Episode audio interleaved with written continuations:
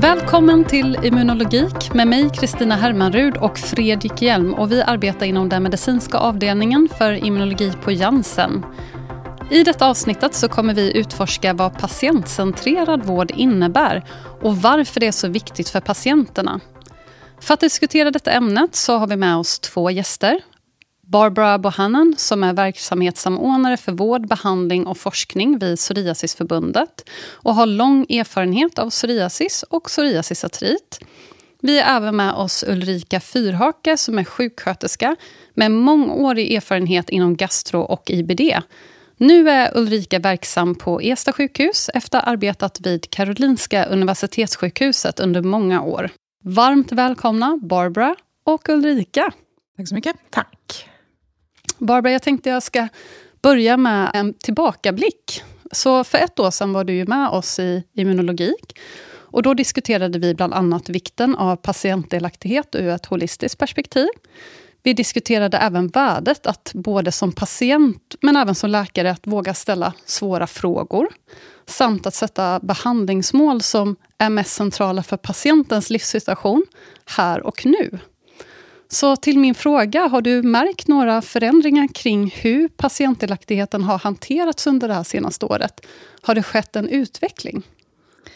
Ja, det kan ju vara svårt att säga på så kort tid som bara ett år. Eh, tyvärr, får man väl säga. Man önskar ju att saker kunde hända lite snabbare, men det gör det inte inom sjukvårdssystemet. Men däremot så har det ju hänt en hel del inom ramen för kunskapsstyrningen, som vi också diskuterade.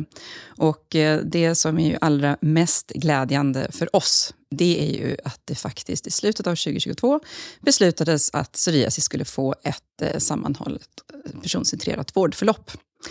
Och det känner vi är ett av de förmodligen största stegen framåt vad gäller att få till en, en mer jämlik vård runt om i hela landet. För vi vet ju att den skiljer sig väldigt mycket från region till region. Och där är det ju faktiskt verkligen patientens vårdresa som är grunden för hur man tar fram ett vårdförlopp. Och Det är ju otroligt intressant, för det arbetet är ju nu igång. Där man verkligen går in och man frågar verkligen de här personerna som lever med diagnosen. Ja, men berätta om din vårdresa, hur, hur liksom, eller din sjukdomsresa, kan man väl säga. Från start och gå igenom alla de här bitarna. Vad är dina behov? Vad är dina förutsättningar? Vad, vad, behöver du för information? Vad är det för stöd? Vad är det för råd? Vad är det för typer av sjukvårdspersonal du träffar och när?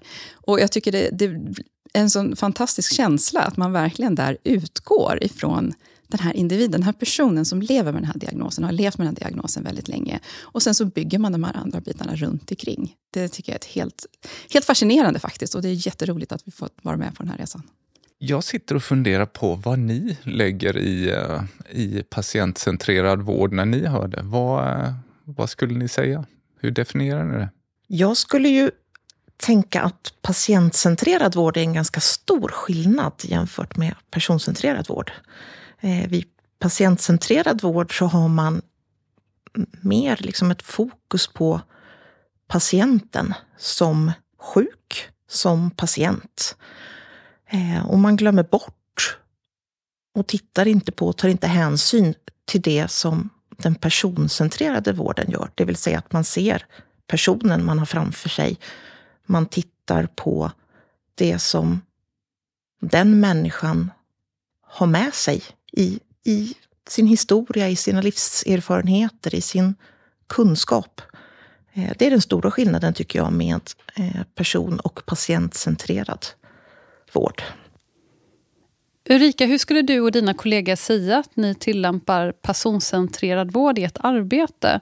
Skulle du kunna ge några konkreta tips eh, kring hur man kan förbättra både vårdresultaten och även öka patienternas välbefinnande och följsamhet?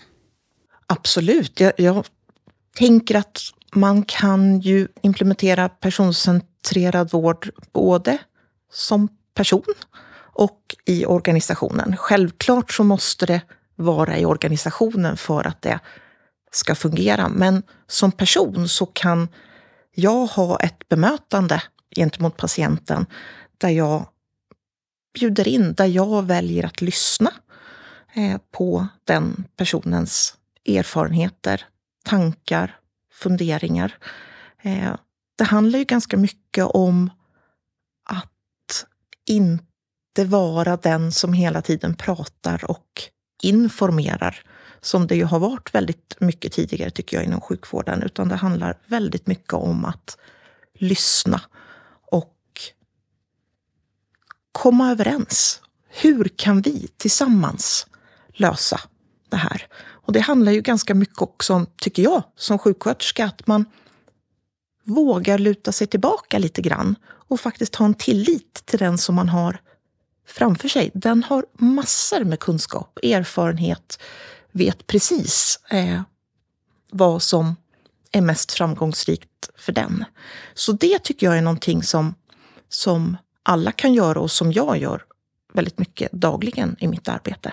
Sen finns det ju små enkla grejer som till exempel att man när man ska boka in en patient inte bara ger en tid, utan man frågar när skulle det funka för dig? Eh, och då, om en, ett, ett, ja, ett litet tillfälle för personcentrerad vård, så är det ändå så att då får eh, patienten välja utifrån träningar, arbete, möjligheter. Eh, det är väl två exempel tycker jag på eh, där man både kan använda sig själv, för där är ju, det är ju något sätt, på något sätt grunden för personcentrerad vård. Men också hur man rent praktiskt väldigt enkelt kan implementera det. Barbara, jag tänker att eh, patienterna kanske inte är vana vid att le leva i ett eh, personcentrerat eh, system. Behöver vi träna patienterna? Jag tänker väl snarare så här att vi kanske kan träna sjukvårdspersonalen på att se patienterna som personer istället. Eh, lite grann det som Ulrika är inne på här redan. Och eh, jag har väl pratat om det ganska många gånger, att man blir ju ganska så trött på att ständigt bli behandlad som en diagnos, eller flera diagnoser. Eller att man blir till och med omnämnd som en typ av kroppsdel, kan det till och med vara ibland. Och då har man ju definitivt inte någon form av personcentrering eh, i den synen på den här individen som, som sitter där och ska då försöka anpassa sitt liv efter en typ av diagnos som de kanske inte visste om att de hade redan tidigare. Man vet väldigt lite och helt plötsligt sitter man där och ska nu vara patient. Och eh, man är som sagt en kroppsdel eller man är en diagnos. Istället för att då få tillgång till den här kunskapen som finns utifrån mina egna förutsättningar och behov.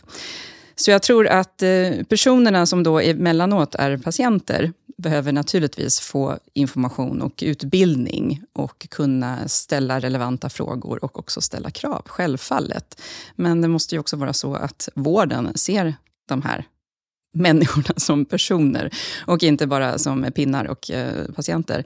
Ehm, och vi pratade, du pratade lite grann om det här att man, ska se till det stora och det lilla. Och det här med personcentrering och patientcentrering, det måste inte vara rocket science. Det måste inte vara de här gigantiska systemen som vi har idag som måste ställas om. Utan det kan vara verkligen, personcentrering kan vara något så otroligt enkelt som att jag som läkare verkligen ser till att ställa frågan Alltså inte bara vilken typ av behandling de har, utan hur den ska administreras.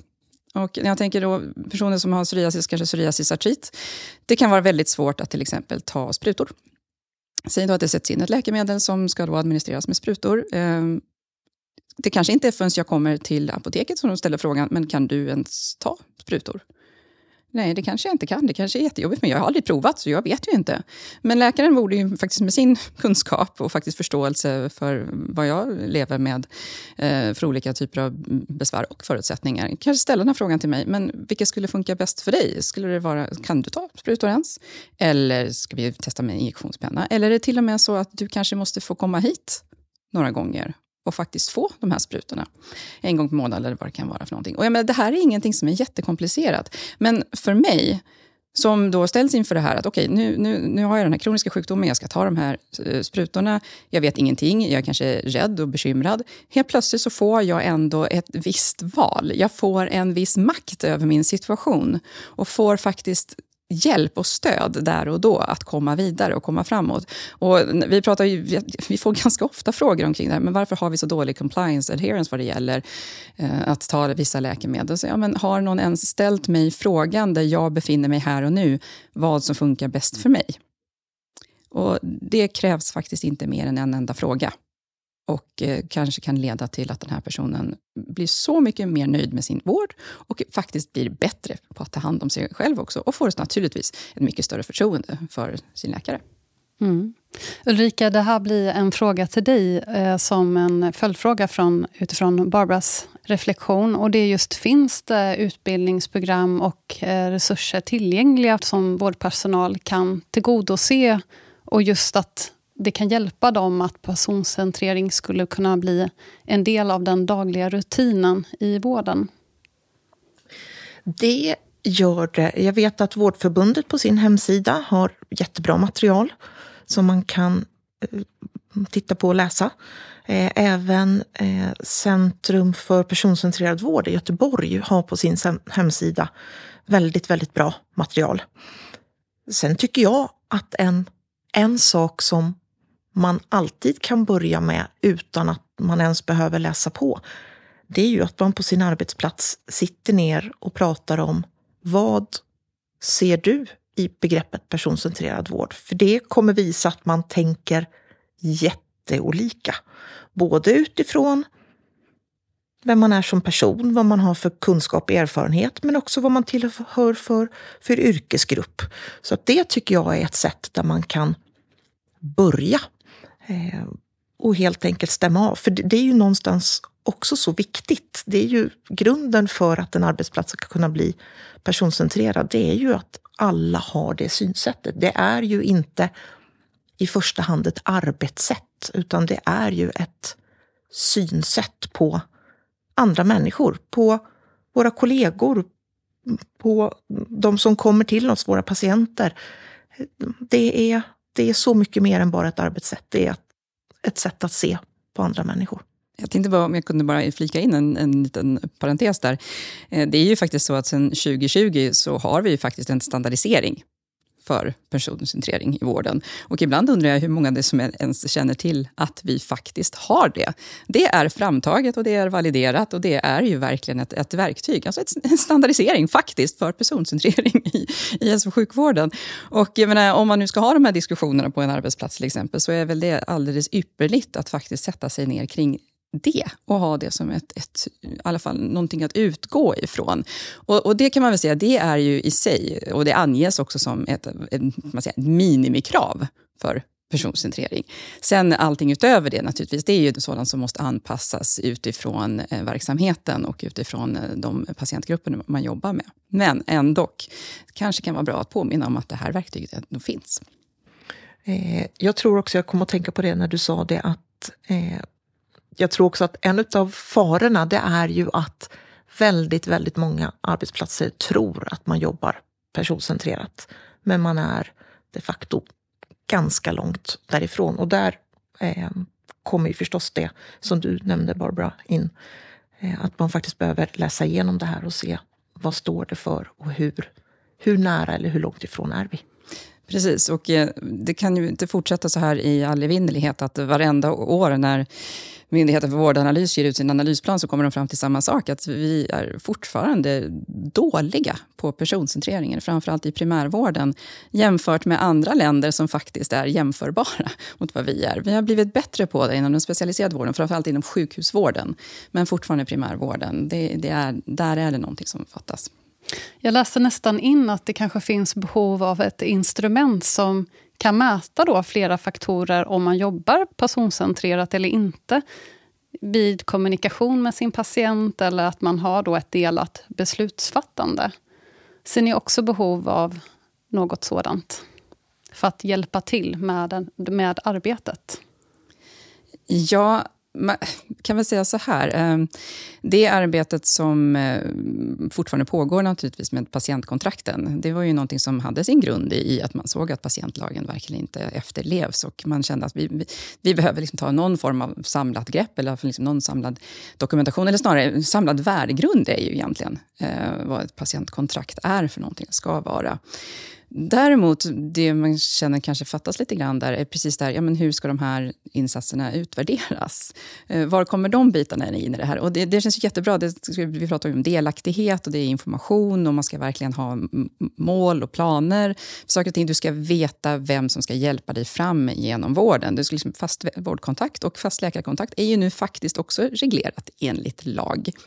Men då kommer ju frågan, hur, hur mäter vi det här? Precis. Och det här är ju också en av mina pet peeves, som jag har pratat om ganska många gånger, att vi är tyvärr inte jättebra på att utvärdera vården. Och vi använder inte oss av de kvalitetsregister som ändå finns.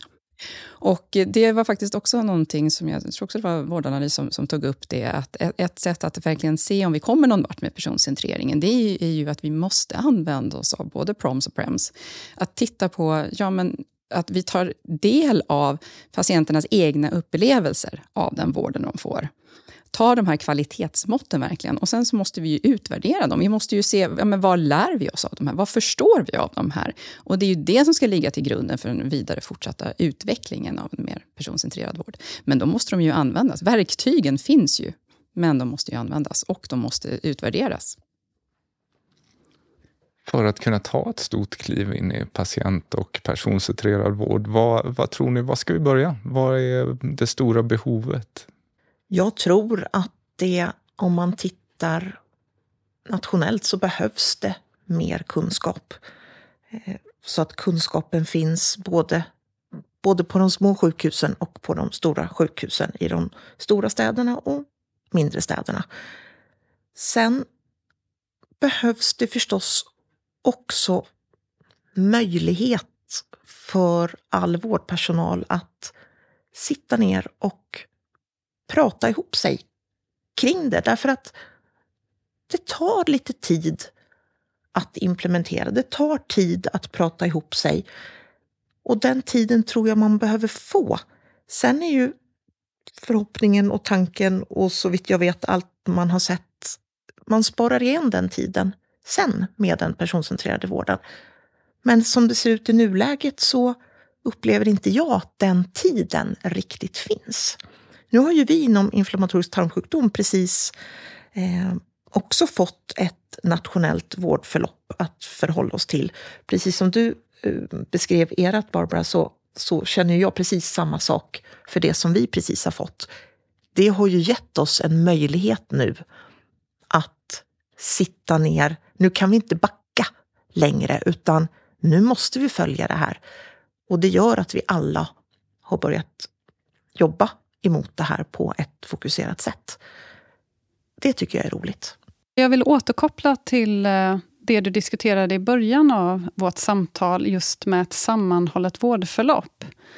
Om man tittar på hur eh, sjukvården är uppbyggd idag, så arbetar man ju mycket utifrån stuprörsmodellen, där man har specialiserade enheter, så varje enhet är ansvarig för en specifik del av vården. Hur tycker du att det rimmar med en personcentrerad vårdstrategi? Det kan nästan bli en motsatt betoning här, att man inte då fokuserar på hela patienten och deras individuella behov. Kan du se att det kan resultera i en bristande samordning?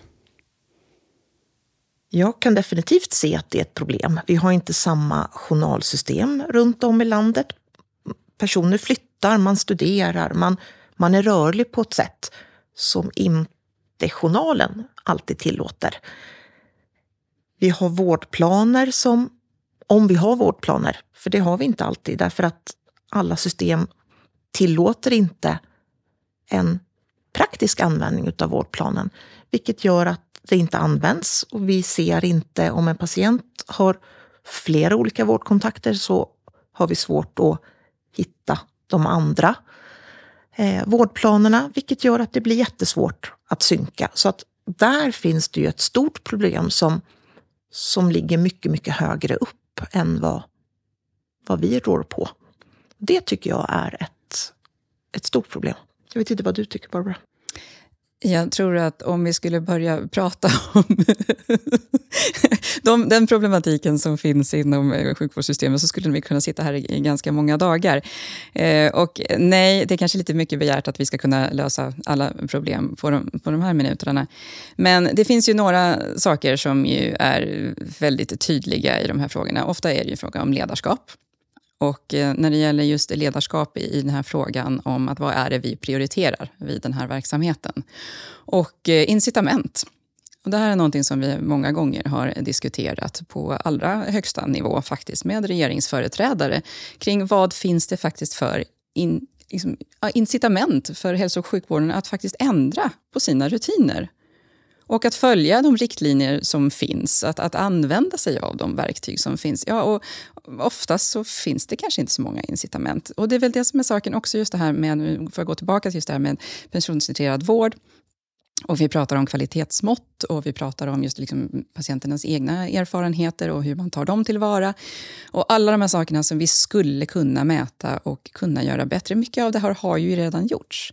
Vi har jättemycket bra verktyg och riktlinjer, men om inte det premieras på något sätt, om det inte finns några riktiga incitament, om man inte ser fördelarna.